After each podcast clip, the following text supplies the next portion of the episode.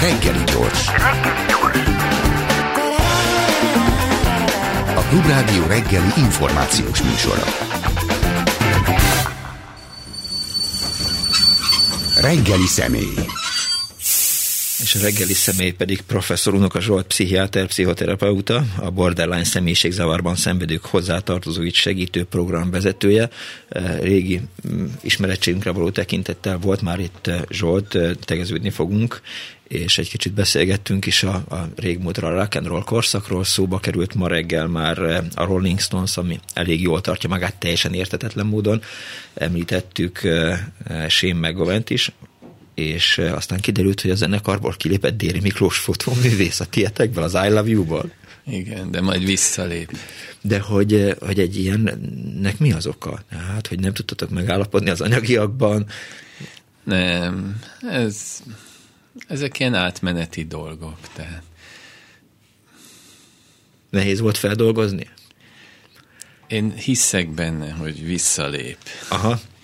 Jó, hát akkor majd legközelebb a reggeli személy majd Déri Miklós ezt, és ezt megkérdezem tőle, hogy, hogy mi lépett a zenekarból, de inkább Borderline-ról akartunk beszélni, hogy ennek vagy a kutatója, és most elindul ez a hozzátartozókat segítő program, de egy kicsit menjünk a Borderline elejére, hogy, hogy minek tekintjük a Borderline szindrómát. Van ilyen diagnózis? Hát egyelőre még van a két nagy diagnosztikai rendszer van, a DSM-5, ez az amerikai pszichiátriai társaságnak a diagnosztikai rendszere, ott van a borderline személyiségzavar, és az ICD-BNO-11, ami a a világon mindenütt azt használják, ez mhm. a WHO-nak a rendszere, és akkor ott ki akarták rakni, mert ott meg akarták szüntetni azt, hogy ilyen diagnosztikai Aha. kategóriákba osszák a személyiségzavarokat, mert ugye ez egy kicsit abszurd ötlet, hogy mondjuk ha valaki eltöri a csuklóját és tüdőgyulladása van, Igen. ugye akkor azt mondhatjuk, hogy két betegsége van egyszerre. De az, hogyha valaki nek borderline személyiségzavara van, meg narcisztikus, az lehet egyszerre, nem? nem? Hát az lehet egyszerre, csak azt valahogy nehéz meg értelmetlennek tűnik, hogy azt két is, külön is, entitásnak aha, nevezzük, aha. hanem van az embernek egy személyisége, és a különféle módokon küzd meg a belső és külső valóságával, de hogy azt ilyen kategóriákba osszuk, mintha különálló hmm. entitások lennének, ezzel nem ért egyet például az a bizottság, aki a BNO 11-et létrehozta, és meg is szüntették az összes kategóriát, de a borderline személyiségzavart azért hagyták bent, mert ez az a személyiségzavar, amire a legtöbb kutatás irányul, és a legtöbb ilyen bizonyítottan hatékony pszichoterápiás eljárást kidolgozták, uh-huh. kutatták, nagyon sok dokumentálva van, hogy ezen lehet segíteni, és akkor a beteg biztosítók ilyen kategóriákra fizetnek. Tehát, hogy akkor így, ha ez megszűnt volna ez a diagnózis, akkor az az óriási munka, az a szemétbe kerül, és hogy az a sok ember, aki számára már kidolgoztak hatékony kezelési módszereket, akkor nem jutna hozzá, mert megszűnne ez az entitás. De hogy ha már azt mondjuk, hogy mindenki különálló személyiség, akkor lehet, hogy, hogy nincs is személyiségzavar, hanem a személyiség úgy működik, ahogy. Hát ez egy, ugye, ezt mondjuk nevezzük dimenzionális hozzáállásnak, tehát ugye a kategóriális az az, hogy veréb vagy, vagy túlzok. Igen. Borderline vagy, vagy nem vagy az, mondjuk ez lenne uh-huh. a kategóriális hozzáállás. A dimenzionális hozzáállás meg azt mondja, hogy van egy skála, amin különféle aspektusai a borderline személyiségzavarnak, mondjam el, hogy mik ezek? Igen, létszes. Hogy például az, hogy valaki nagyon fél attól, hogy a számára fontos személy elhagyja. Ugye ez egy normális félelem, Igen. és akkor, és akkor hogyha ezt egy, a zenekarból a déri. Igen, hogyha ezt egy, és akkor gyötrődöm. És akkor, hogyha ezt egy dimenzión helyezem el, van, aki ettől csak akkor fél, amikor látja, hogy a párja, mit tudom én, elutazott a nem tudom, egy másik férfivel külföldre, akkor és akkor úgy baj. elkezd félni.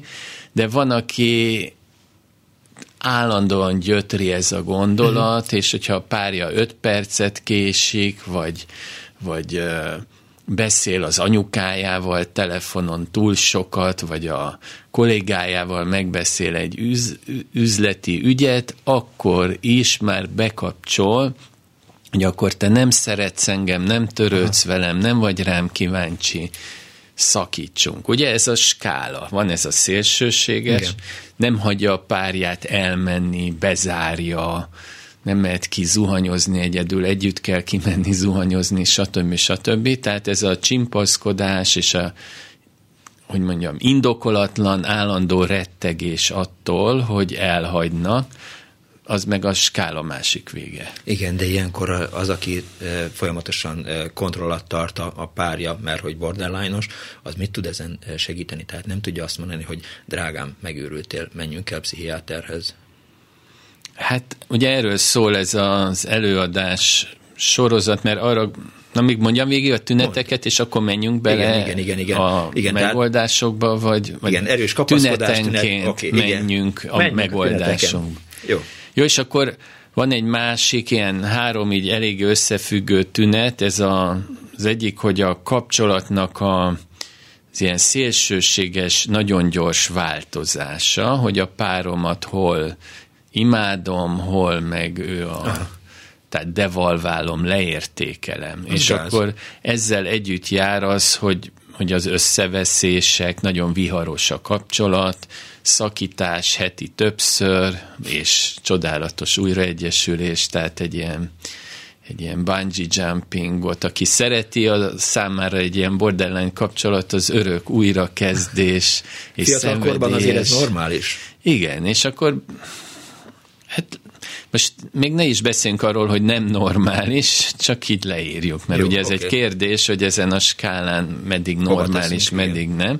És akkor ezzel együtt megjelenik az, hogy saját magát, vagy a másikat hol rossznak, hol meg jónak látja, és hogy ebben van egy ilyen uh-huh. ingadozás, és ezzel együtt jár a hangulatnak a gyors váltása. Hogy egyszer jól érzi magát, máskor meg nagyon rosszul. Uh-huh. És akkor ez, ebbe belejátszhat az, hogy ilyen hogy hirtelen ilyen dűrolmok törnek rá, amelyeknek mindig van egy pici magva, ugye mindig van egy ilyen pici valóság magva, de arányába, meg ennek a valóságmagnak az értelmezésébe vannak olyan szélsőségek, amit például a másik úgy nehezen tud elfogadni, nem ért vele egyet, mm. és aránytalannak látja. Tehát ez a hangulatváltás, dűrolmok, Tiszta. kapcsolati kapcsolat megélésének a gyors változása, ezek így többnyire együtt vannak, és akkor ezen kívül, vagy részben ehhez kapcsolódóan van egy ilyen mély identitás diffúziónak nevezett identitás probléma, ami egyrészt az önértékelésnek a gyors változása, hogy hirtelen nagyon rossznak érzi magát, illetve van egy olyan, olyan jelenség, hogy amit mi impulzivitásnak nevezünk, ami azt jelenti, hogy hirtelen ötletből kifolyólag megcsekszenek dolgokat érzelmi hatás alatt, amelyeket utólag átgondolva ők se tartanak jó ötletnek, és ezáltal ugye ez a bulimiáként is jelentkezhet, hogy falnak és vagy jelentkezhet szer használatnak ilyen hirtelen nagy mennyiségű beszedése, vagy bármilyen szexuális kapcsolat létesítése ilyen átgondolatlanul, és aztán pedig a, a ami a legdrámaibb, az pedig az, hogy hogy nagyon gyakori az öngyilkossági gondolat, késztetés, kísérlet, uh-huh. 80 százalékuknak volt legalább egy kísérlete az élete során, és, és 10 százalékuknál ez, ez ilyen halálhoz vezető, befejezett öngyilkossággal jár, ami a legmagasabb, tehát a mentális zavarok uh-huh. körébe. Tehát nagyon sokszor az emberek ezt félreértik, ezt a helyzetet, hogy annyi kísérlete van, hogy azt mondják, hogy nem is komoly, Igen. és hát arányaiban tényleg 80 százalékból 10 százalék hal meg, de az a 10 százalék az baromi magas. A... Hát hogy ne. Tehát, mert hogy, hogy az, akiről tudjuk, hogy borderline személyiségzavar következtében lett öngyilkos, az már azt jelenti, hogy, hogy kezelték, vagy legalábbis hát volt róla egy, egy diagnózis, és mégsem sikerült megmenteni, kezelni, kikezelni, kigyógyítani. Így van. Gyógyszerek kell, tehát mi a, mi a kezelés módja borderline-nál? A kezelés módja az, tehát Ugye a borderline személyiségzavar az jellemző, hogy együtt jár időnként depresszióval, vagy bipoláris zavarral, vagy szorongásos zavarral, és ezeknek van hatékony gyógyszeres kezelése, és a gyógyszeres kezelés csak ez esetben értelmes, mert a jelenlegi kutatások szerint a borderline személyiség zavarra még nincs hatékony gyógyszeres hmm. kezelés.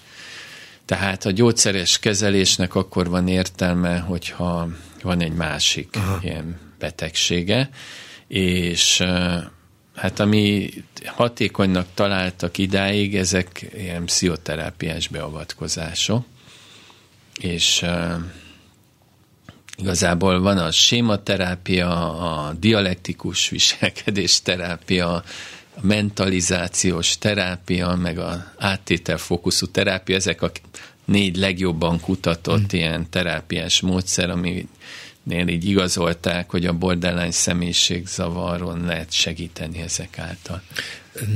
Újkori betegség a borderline? Hát... Vagy ez egy civilizációs betegség? Hát általában a legtöbb mentális zavar az nagyjából ugyanolyan arányban mindig is előfordult, Aha. Afrikától, Ázsiáig, Európától, Amerikáig, tehát eh, és akkor bizonyos civilizációs körülmények esetleg megnehezítik. A borderline személyiségzavar azért számít újnak, mert, mert ezt a nevezéktant, ezt így a 60-as évek óta kezdik inkább használni, és azóta terjedt el uh-huh. a pszichiáterek körébe, de maga, amit ez leír, az mindig, az mindig is, is volt. volt. Csak most már észreveszik, vagy igen, is sejtik, hát vagy, vagy neve, foglalkoznak vele. Meg, és az, az különben nagyon fontos váltás, hogy a személyiség zavarok, az eredeti definíciója a pszichiátriai nevezéktamba az volt, hogy 18 éves kortól halálig. Mm. Tehát nagyon sokáig például az Egyesült Államokban nem is igazán lehetett erre, ennek a kezelésére ilyen kutatási pályázatokat elnyerni, mert azt mondták, hogy hát ez per definíció nem örökre így marad, akkor most mit akarnak? De aztán kiderült, hogy ez egy téves elképzelés, a személyiség változhat, és terápiával is lehet befolyásolni vagy egy ilyen hosszú párkapcsolat is befolyásolni tudja, vagy ha valaki bekerül egy olyan közösségbe, ahol ilyen nagyon szoros kapcsolat van, és ott olyan bánásmódban van része, meg olyan elvárások vannak, amelyek hatással vannak a személyiségükre. Sőt, állítólag a személyiség változás egy ilyen negyedik ilyen faktora a terápia mellett, a, ez mondjuk ez egy szakirodalomban benne van, nem tudom elmagyarázni, hogy miért, a vallásos embereknél ez a zarándoklat. Hm. Jó, ezt most ez részletezzük. Útrafutás. Igen, igen. Jó, és akkor a személyiségzavaroknak a, tehát mondjuk vegyük azt, hogy a borderline személyiségzavar Magyarországon, vagyis egy általában a világban olyan az igazán súlyos, az olyan két százalék körül van, és az ilyen enyhébb változat az 5-6 százalék, tehát hogy ez egy elég nagy szám. És igen. Csak az jutott eszembe, hogy, hogy azok a tünetek, amikről beszéltél, vagy beszélgettünk, azok fiatalkorban, hát mondjuk azt, hogy a, a serdülőkor része tehát a, a hirtelen dükitörés, a, az eszetlenkedés, a szeretlek, nem szeretlek, miért nem szeretsz, én szeretlek, erről szól a popzenének a, a nagy része, és aztán egy idő múlva az ember ezt így kinövi.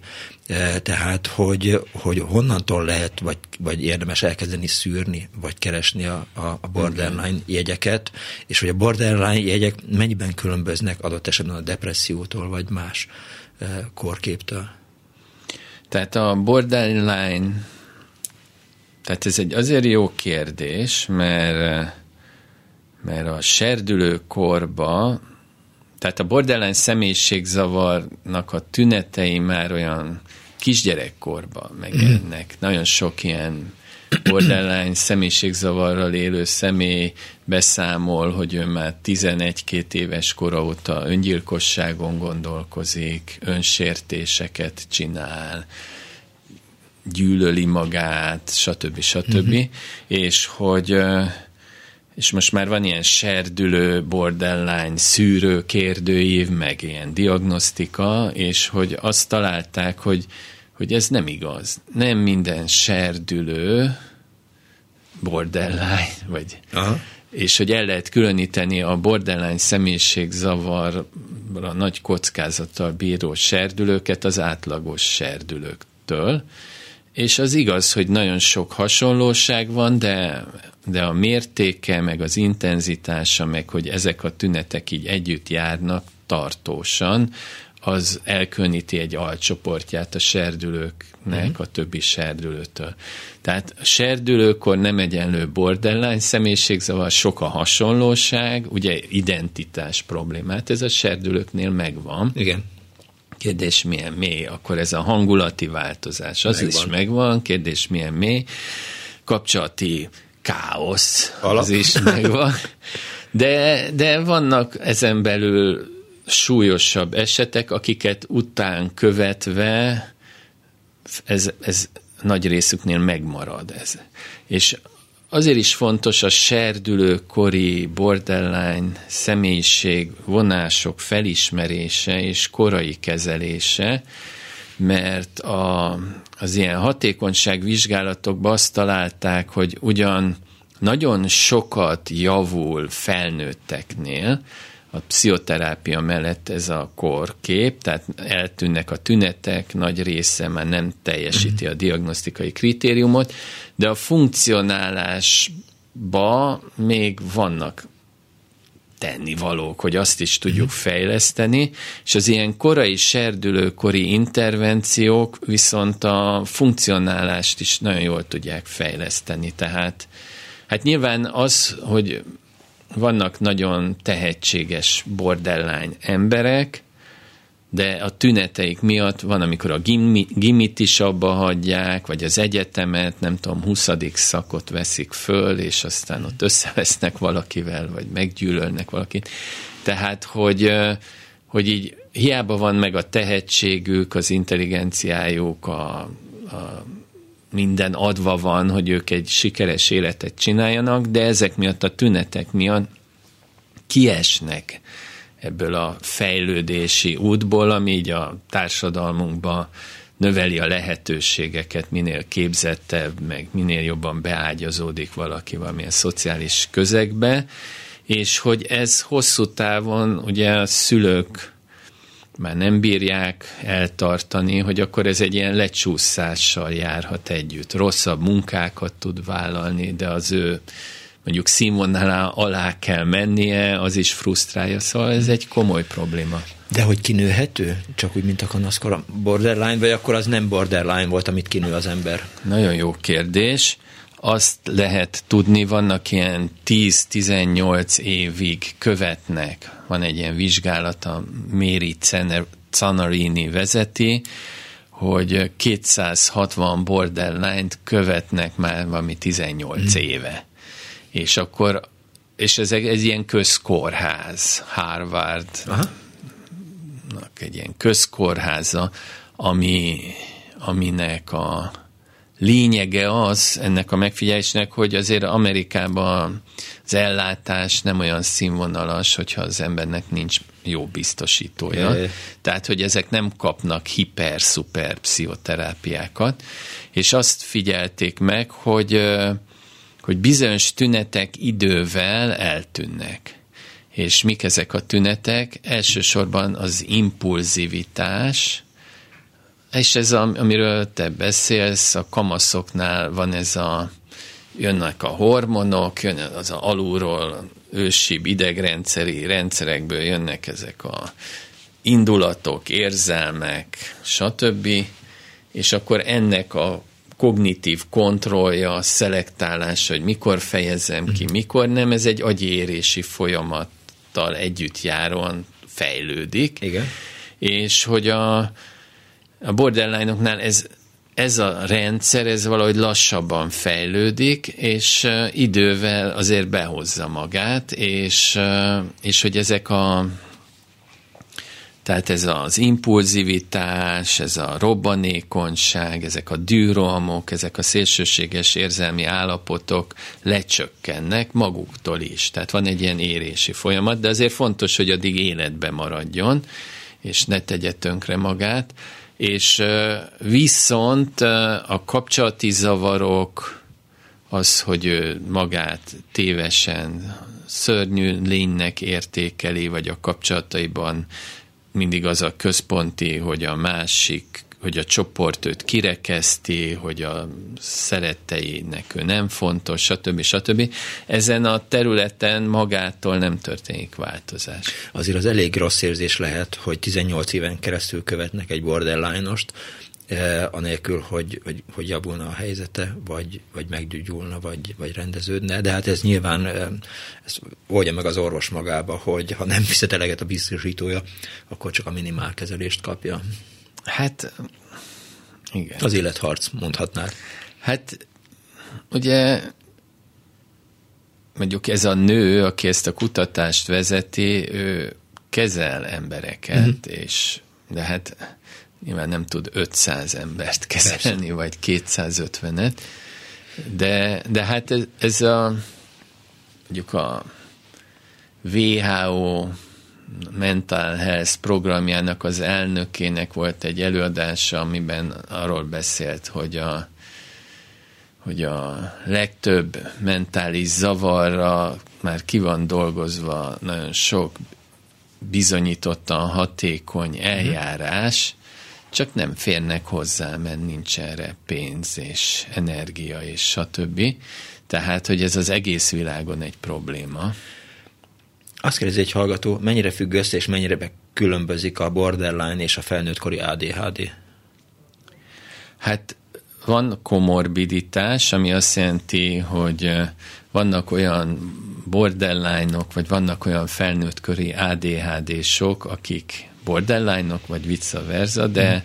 de hát a, ez az impulzivitásban hasonlítanak, de például a figyelem zavar, hogy valaki nem tud tartósan figyelni, az, az nem tünete a borderline személyiség zavarnak, és az ADHD-soknak meg nem tünet ez a nagyon súlyos kapcsolati zavar. Igaz. Mennyire lehet hinni azokban a tesztekben, most a borderline-ra készülve így néztem, tehát ha beírjuk a borderline szót, akkor kidob internetes tesztet, amin kérdésekre kell válaszolni.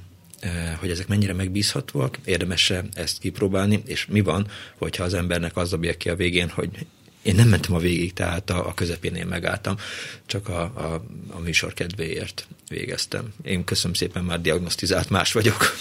Ja, jó. Hát ezt most rengeteg teszt van, általában a pszichiátriában a teszt az inkább csak egy ilyen szűrő kérdőív, és akkor a szakemberrel megbeszélik az egyes tételeket, amikre igent mondott, hogy hogy értette, mert ugye azért a nyelv az olyan, hogy nagyon sokféleképpen lehet érteni. Például agódik-e, hogy elhagyják? Épp szakításban van a párjával, persze, hogy aggódik, de és akkor magas pontot ad rá, de kiderül, hogy sose aggódott idáig, tehát, hogy ez egy ilyen pillanatnyi kapcsolati probléma, és nem egy személyiségvonás. Tehát ilyeneket azért érdemes szakemberrel átbeszélni, de nagyon sok borderline páciens érkezik elsőként az ellátásba, hogy ő megállapította egy a neten keresztül, uh-huh. hogy ő borderline, és tényleg. Igen, Tehát azért az emberek nem hülyék, meg ez nem egy olyan atomtudomány, vagy hogy mondják, rocket science, vagy minek mondják magyarul? Na mindegy. Ja. Nem hogy... génsebészet, vagy igen, igen. idegsebészet, vagy igen, tehát annál a kérdésen álltam meg. Gyakran előfordul a következők bármelyike. Vadul vezetek, nem biztonságos szexben veszek részt, sokat iszom vagy drogozok, falásrohamaim vannak, szerencsejátékot játszom, vagy eszetlen, esztelenül költöm a pénzt. Ez az impulzivitás. Ez az egyik tünet. Még kell lenni több tünetnek, hogy azt mondjuk, hogy borderline legyen valaki, de ez egy, ez egy ilyen tünet ennek a korképnek. Igen, hát ez annak függvénye tehát, hogy mikor töltöm ki a tesztet egyébként, tehát, hogy, hogy reggel rossz kedvűen, vagy este. Igen, igen, de igazából azt mondanám, hogy hogy hogy a neten nagyon sok téves információ van uh-huh. a mhm. borderline személyiségzavarról, mert nagyon sok olyan információ van, hogy gyógyíthatatlan, reménytelen, és, és és ez nem igaz. Ebben Tehát szemben? Ebben szemben gyógyítható és reményteli, nem, nem, nem, és, nem reménytelen. és érdemes segítséget kérni, és nagyon sokat lehet fejlődni. És hát eh, a másik meg azért az fontos tudni, hogy sajnos a magyar egészségügybe, de ennek utána néztem az egész világon, ez jellemző, hogy van egyfajta ilyen stigmatizáció, hogy nagyon negatív képük van a borderline személyiségzavarról, és ez egy, ebbe egy olyan tünet is szerepet játszik, amiről ideig nem beszéltem, hogy van egy olyan jellemzőjük, hogy ezt a az idegrendszerben van az, hogy elhagynak, és ezen ruminál. A rumináció az az, hogy ismét újra és újra csak kattog. erre tud gondolni, ezen kattog az agya, és nem tudják leállítani és erre az egyik technika, amit kitaláltak, az az, hogy megvágják magukat, vagy beleütnek a falba, vagy megégetik a mhm. bőrüket, és azért, mert hogy az idegrendszer olyan, hogyha a testburkát valami megsérti, az egy delete gomba futó programoknak, tehát így ki tudjanak jönni Aha. ebből a fájdalmas elhagyatottság érzésből, és hát nagyon sokszor bekerülnek a, a sebészetre, vagy az intenzív részlegre, hogy, hogy ott ellátsák a sebeiket, és hogy ez, ez a dolog, hogy valaki megvagdossa magát, egy csomó embernek ilyen nagyon ijesztő, és nagyon tartanak ettől, és az egészségügyi személyzet sajnos nagyon sok országban, és Magyarországon is ilyen nagyon ellenszemvel, vagy elutasítóan viszonyul ezekhez a páciensekhez tehát ez egy ilyen következő program, amit akarok csinálni, hogy egy ilyen pszichoedukáció, az egészségügyi destigmatizációs mm. program a ápolóknak, más szakmák orvosainak, hogy megfelelően ellássák ezeket az embereket. Ja, mert hogy, hogy elmegy az ember a körzeti orvoshoz, és akkor nézi a körzeti orvos, hogy össze-vissza van vagdalva a gyereknek a keze, akkor akkor nem biztos, hogy a megfelelő helyre irányítja.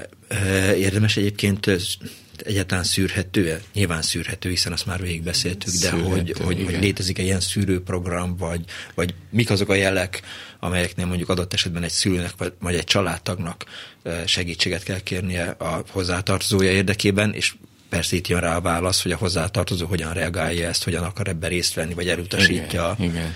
Hát az, ami, a jel, a önsértés, az nagyon fontos, öngyilkosságon való rágódás, az állandó viharos veszekedések, amelyek ennek a központi témája, hogy szeretjük-e, elfogadjuk-e, fontosnak tartjuk-e őt, vagy nem, és, és hogy ez a nagyon szélsőséges hangulatingadozás. Most erre volt ez a kérdés, hogy mi a különbség például a depressziótól.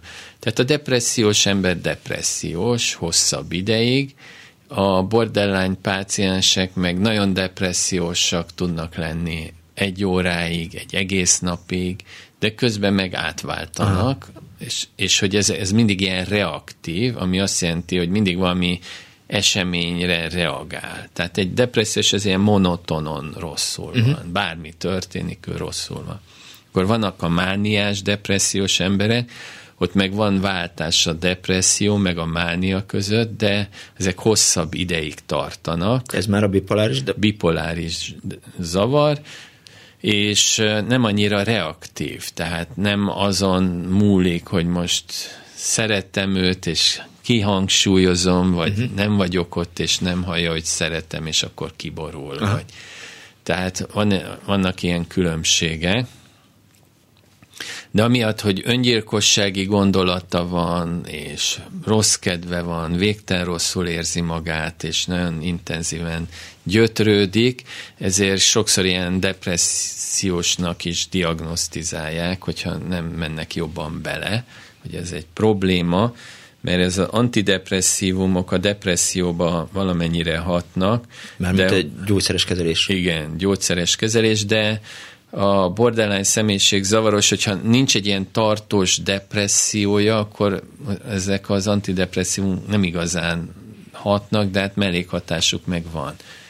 És hát sajnos, mivel ők mindig panaszkodnak, mert baromi rosszul vannak, az, az ilyen ellátásban egyre több fajta gyógyszert kapnak, és akkor... Ez lehet, hogy nem jó irányba viszi. Ez nem jó irányba viszi. És akkor, igen? Mond. Hát, hogy még szeretnék arról beszélni, hogy, hogy a hozzátartozóknak, mert most mi Ez csinálunk egy ilyen... Igen? Hát igen, azt kérdeztem, hogy mit kezd a hozzátartozó. Hogy, hogy ugye a, a hozzátartozóknak is baromi nehéz ez a tehát, hogy gondoljunk bele, az a több százezer borderline személyiség zavaros embernek a hozzátartozói is nagyon megviseli egy szóval családban. Három, négyel.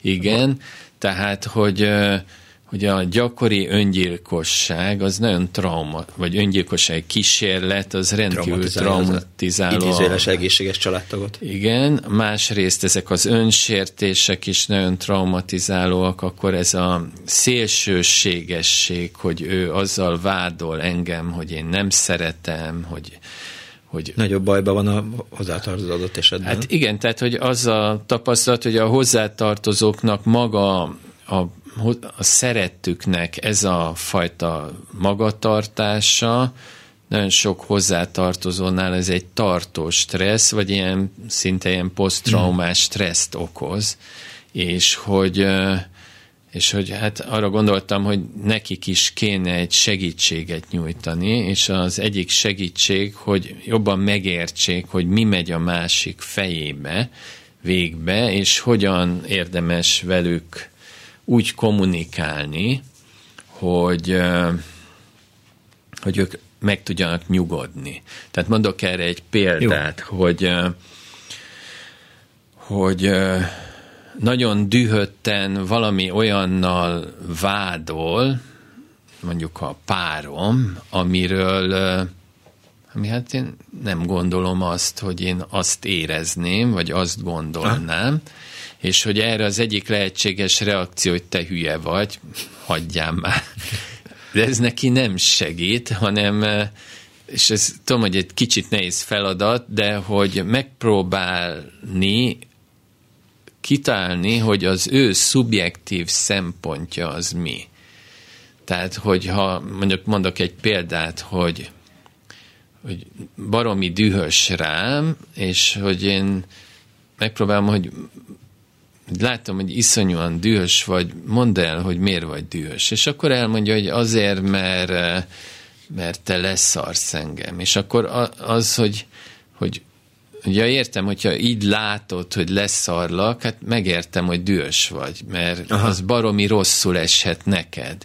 Azt átélni, hogy én leszarlak, és hogy még miért vagy dühös, és még azért vagyok dühös, és hogy ezt, Tehát ebbe ez az egyik része, hogy ki tudja ventilálni a dühét, tehát kiengedni a dühét, a másik, hogy az ő szubjektív szempontjára kíváncsi vagyok, és az alapján megpróbálom megérteni, hogy az ő szubjektív nézőpontja szerint miért jogos Aha. a dühe, és akkor, hogyha ebbe így együtt tudunk lenni, akkor ő egyrészt megértve érzi magát, kiadta a dühét, és úgy érzi, hogy egy platformon vagyunk. De ebben nagyon fontos, hogy ne menjünk alá, és ne mondjuk azt, hogy hát ez így van, vagy igazad van, hmm. vagy valami, hanem hogy próbáljunk abban maradni, hogy megértem, hogy te így látod, és hogyha így látod, akkor értem, hogy miért vagy dühös, és hogyha már így látja, hogy kíváncsi vagyok, megnyugodott, és egy platformon ha. vagyunk, utána kerülhető egy olyan nyugodt érzelmi állapotba, amikor van lehetőség arra, hogy meghallgassa az én, én valóság észlelésemet. De addig, amíg ő ellenségnek tart engem, támadónak, az agyunk az olyan, hogyha valakire haragszom, onnan semmilyen információt nem akarok befogadni, mert aki az ellenségem megkérdezze, ja, nem tudom, a ukrán katona orosztól, hogy figyelj, fölaknáztátok a mezőt? Á, nem, nem, hát hülye lenne elhinni. Tehát ugyanez, mm-hmm. hogy úgy működik az agyunk, ha dühös vagyok, akkor a másik ból semmit se fordok el. Tehát meg kell várnom így, hogy le tudom nyugtatni, és akkor el tudom mondani, hogy de én viszont így láttam, Nekem ez volt a szándékom, ez volt a motiváció. De, de várjál, tehát akkor jól látom, hogy itt most a, a hozzátartozón keresztül így gyógyítás zajlik? Tehát, hogy vagy nem? Hát nézd, én azt gondolom, hogy minden ember most próbál egy másik emberrel kijönni. Most ezt nevezhetjük gyógyításnak. Igen, igen, jó. Hanem vannak olyan emberek, akikkel, amit otthonról hoztál, azzal a kommunikációs szinttel, tudással tudsz bánni. Van, akihez kell egy kis szakértelem. Aha. És hogy egy átlag ember is nagyon kíváncsi, hogy hogy tudna a szerettével jobban kommunikálni, és én ehhez akarok segítséget adni nekik. Értem, de ha a dühöm tárgya elkezd velem beszélgetni, és csillapítja a dühömet, és azt mondja, hogy nem, hidd már el az Istenért, tehát nem szarlak le, kedvellek, meg minden, okay. akkor, az, akkor az Hát az a kérdés, hogy, és nem gyógyítás ez, hanem nyilván egy, egy, egy normális kapcsolat kiépítése, tehát hogy attól eliminálódik-e, vagy, vagy csak a tünetek eh, lesznek Ö, mérsékeltebbek? Jó kérdés. Azt találták, hogy eh, mondjuk ez egy ilyen régebbi kutatás, de hogy a tehát el lehet jutni onnan, hogy szétrombolja a kapcsolatot oda, hogy, hogy elkezd bízni. Uh-huh.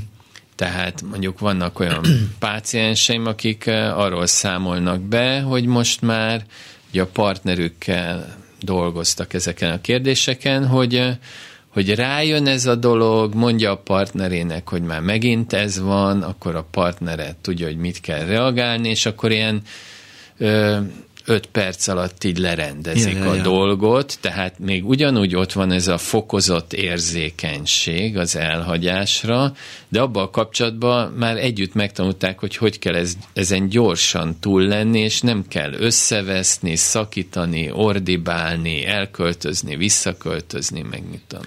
A borderline személyiségzavaros szükségszerűen magányos? Vagy kapcsolatban él jellemzően? Ez egy nagyon lényeges dolog, hogy akik kapcsolatba élnek, azoknak sokkal nagyobb az esélyük a változásra. Uh-huh.